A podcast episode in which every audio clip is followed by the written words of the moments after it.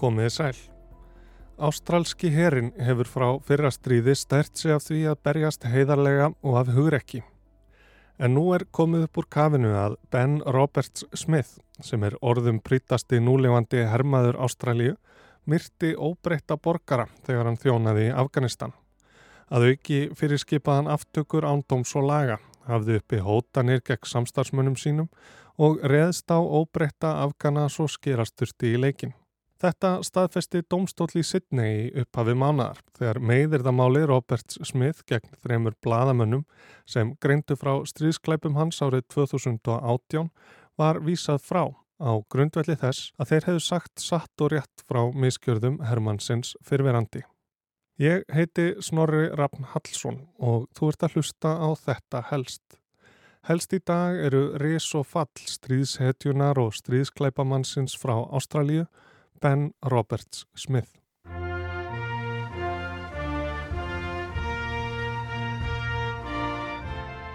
Benjamin Roberts Smith fættist 1. november 1978 í Perth í Ástralíu. Að loknum mentaskóla 1995 sett hann stefnuna beint á ástrálska herin. Hann vildi feta í fótspor ekki bara föður sín sem þjónað hafði ára tugi áður en hann varð hæstaréttadómari í vestur Ástralíu heldur svo gott sem allra karlmannana í fjölskyldunni. Vegna meðsla þurfti hinn hávaksni og sterkbyði benn þó að býða í ár, en 1996 fekk hann ingöngu. Að lokinni þjálfinni í herskóla gekk hann til þess við þriðju hersveit konunglegu áströlsku herrdeildarinnar, fyrst sem hluti af riflasveit en síðar sem undir liðþjálfi. Með herrdeildinni fór Robert Smith í tvígang til austur tímor Fyrst árið 1999 þegar Ástralir leittu alþjóðlegt fríðargesslulið til að stöðva árásir indonesískra uppreysnarherja á austur tímorbúa. Fyrir þær ferðir fekk Robert Smith sínar fyrstu orður.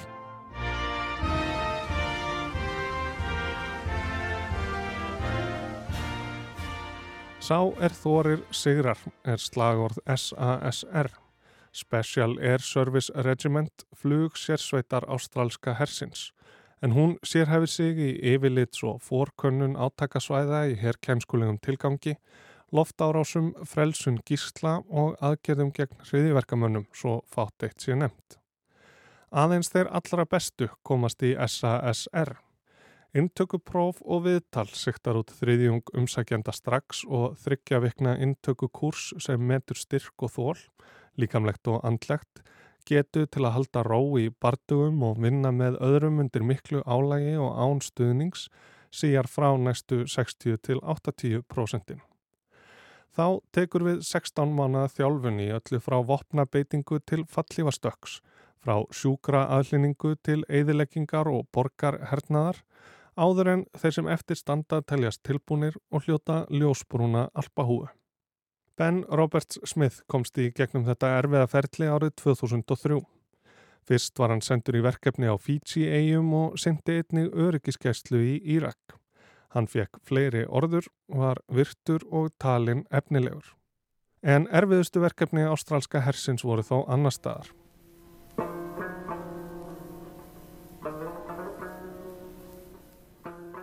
Nokkrum árum áður höfðu Ástralir fyllt bandaríkjamönnum til Afganistan eftir árásetnar á tvíburaturnana í New York borg 11. september 2001.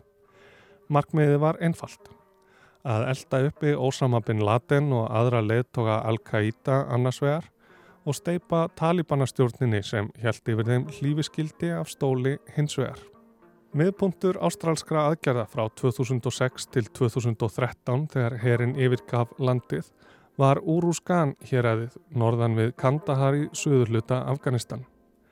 Þangað átti Ben Roberts Smith eftir að fara samtal sexinum og strax í fyrstu ferð síndan hvað í honum bjó.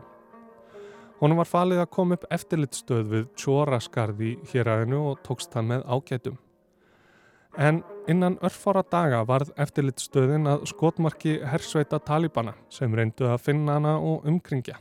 Í tvígang tókst Robert Smith á samt félaga sínum að halda aftur af hersveitunum með leyniskitturiflum, hugdirfsku og áhættusumum ákvörðunum. Fyrir að leggja lífsitt og limi í hættu fekk hann hugrekkis orðu. Victoria Cross Ástralíu, bronskross skreittur ljóni, krúnu og orðunum for valor fyrir hugpríði er æðsta heiðusorða sem veitir í Ástralíu. Hana hljóta aðeins þeir einstaklingar sem í viðurvist óvinnarins framkvæma aðgerðir af áberandi hugpríði eða áræðni eða sína af sér yfirburða, hugrekki, fornfísi eða skildurekni. Viktoríu Krossin hlaut Roberts Smith eftir 5. túrsinn til Afganistan árið 2010. Hann var þá orðin second in command, aðstóðar fórengi og fór með sveitsinni í þyrrlu árás sem ætlað var að fanga eða drepa hátsettan leðtóða Talibana í Þorpi í Kandahar héræði. Þegar þyrrlan kom á svæðið sátu Talibanar fyrir þeim úr sterkum stöðum. Skotið var á þyrrluna á hríðskotabissum og sprengivörpum úr að minnstakosti þremur áttum. Tveir ástralir særðust og hersveitin satt först. Hægt og rólega tókst þeim að feikra sig nær óvinnunum á meðan skotriðin dundi allt í kringum það. En í 40 metra fjarlægð komist þeir ekki lengra. Roberts Smith kom þá auga á litla byggingu sem gæti veitt þeim skjól og þar sem hann nálgæðist hana rampaði hann á talibana með sprengivörpu sem var í þann mund að gera árás. Robert Smith skaut hann af stuttufæri og drap en enn voru þrjár skittur með vélbissur sem þurfti að ráða buga auk annara talibana lengra í burtu. Robert Smith síndi sig og dróðað sér alla anteklina og gaf þannig liðsforingja sínum tækifæri til að taka eittir á út með handsprengju. Hina tvo sá Robert Smith svo um með því að skeita engu um eigið líf og öryggi, riðjast einfallega fram og skjóta þá. Þaðan gatt hersveit hans klárað bardagan við þá sem eftir voru og rakið talibanana úr þorpinu og af svæðinu.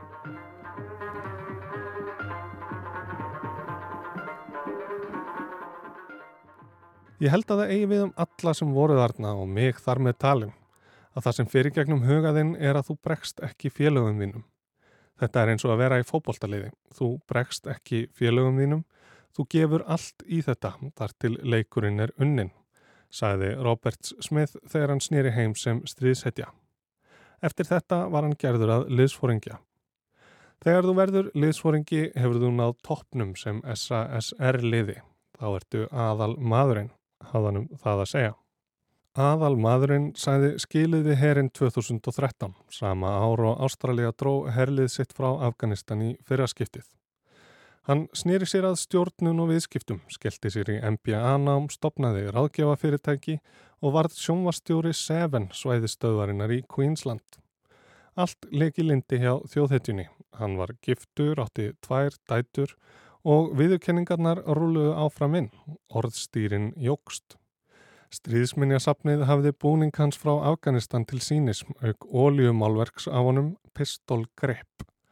Málarinn Michael Savros bað Robert Smith um að setja sig í bardaðastellingu og síndan hvernig mynda skildi skambissu. Hann skipti algjörlega um ham. Hann var skindilega allt önnur vera og ég sá undir eins alltara hluti. Þetta síndi mér hvað hann er fær um. Það kom bara eins og leiftur, sagði Savros síðar. Robert Smith fekk fleiri orður fyrir hugrekki yfir 50 aðgerðum og portréttgalleri Ástralíu reyði verðlauna ljósmyndaran Julian Kingma til að taka mynda á honum.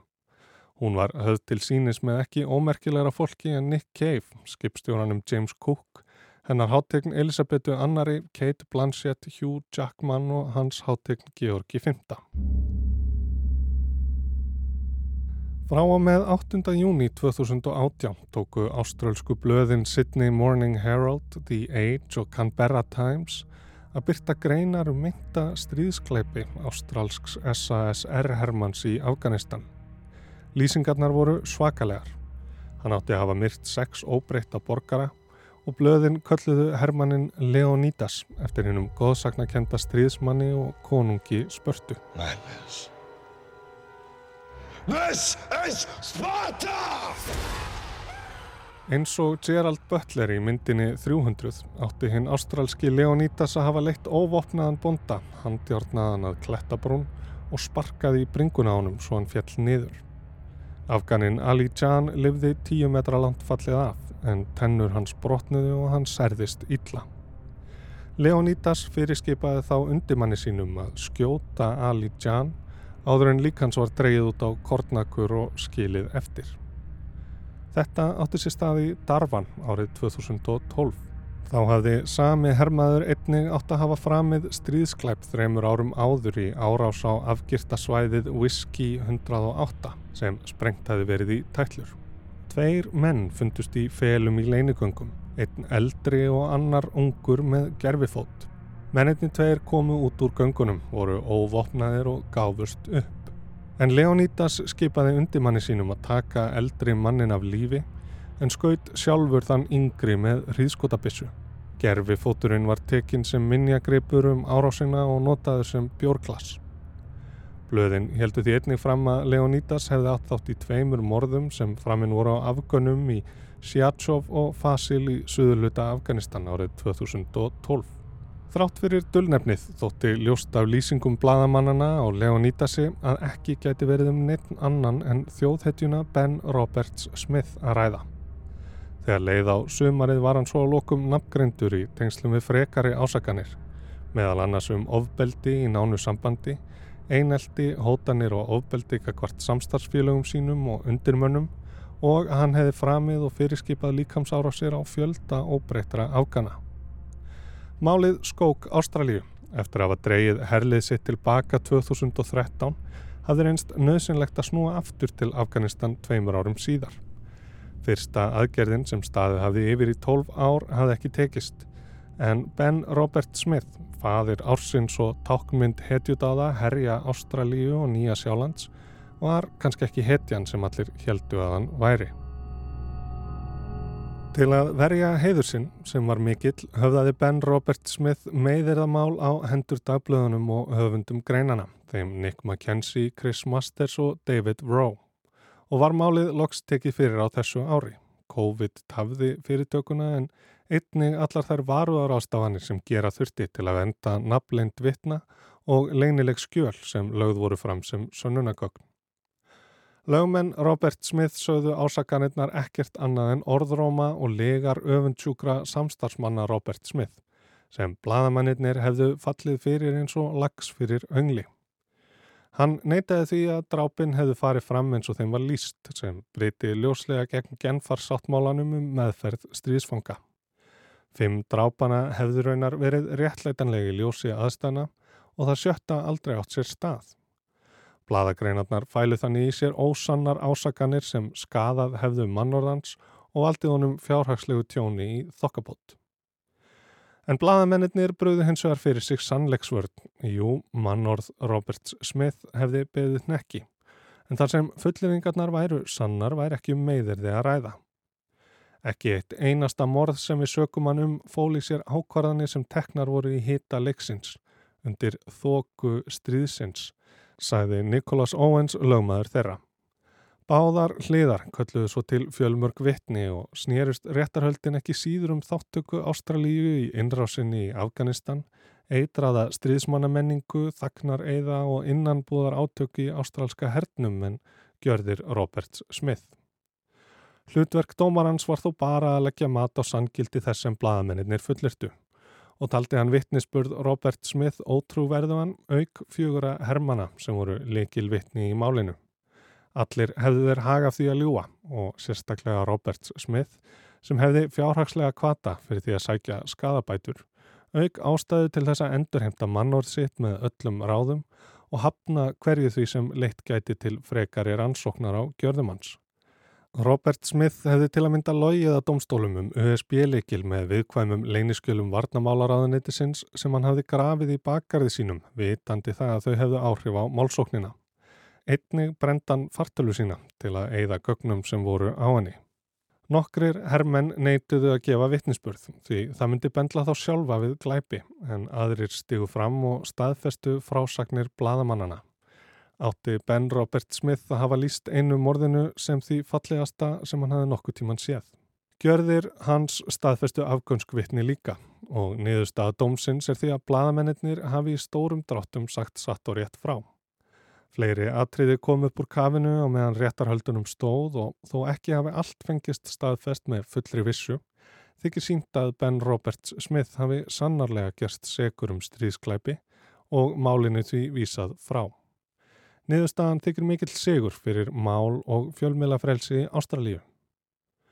Benjamin Robert Smith hefur enn ekki verið sviftur Viktoríukrossinum og öllum hinum orðunum sínum þó stríðsetjan sé í raun stríðsklæpamaður.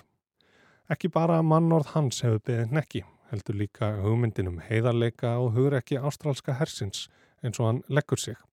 En fjöldi rannsókna stendur nú yfir á stríðsklæpum Ástrala í Afganistan og var fyrrum SASR herrmaðurinn Oliver Schultz Fyrr á þessu ári sá fyrsti í sögu landsins til að vera dæmdur fyrir stríðsklæpin morð og gæti vel farið svo að Robert Smith verði sá næsti. Þetta var helst af stríðshetjunni og stríðsklæpamanninum frá Ástralíu, Benjamin Roberts Smith. Ég heiti Snorri Rafn Hallsson og þakka áhyrnina.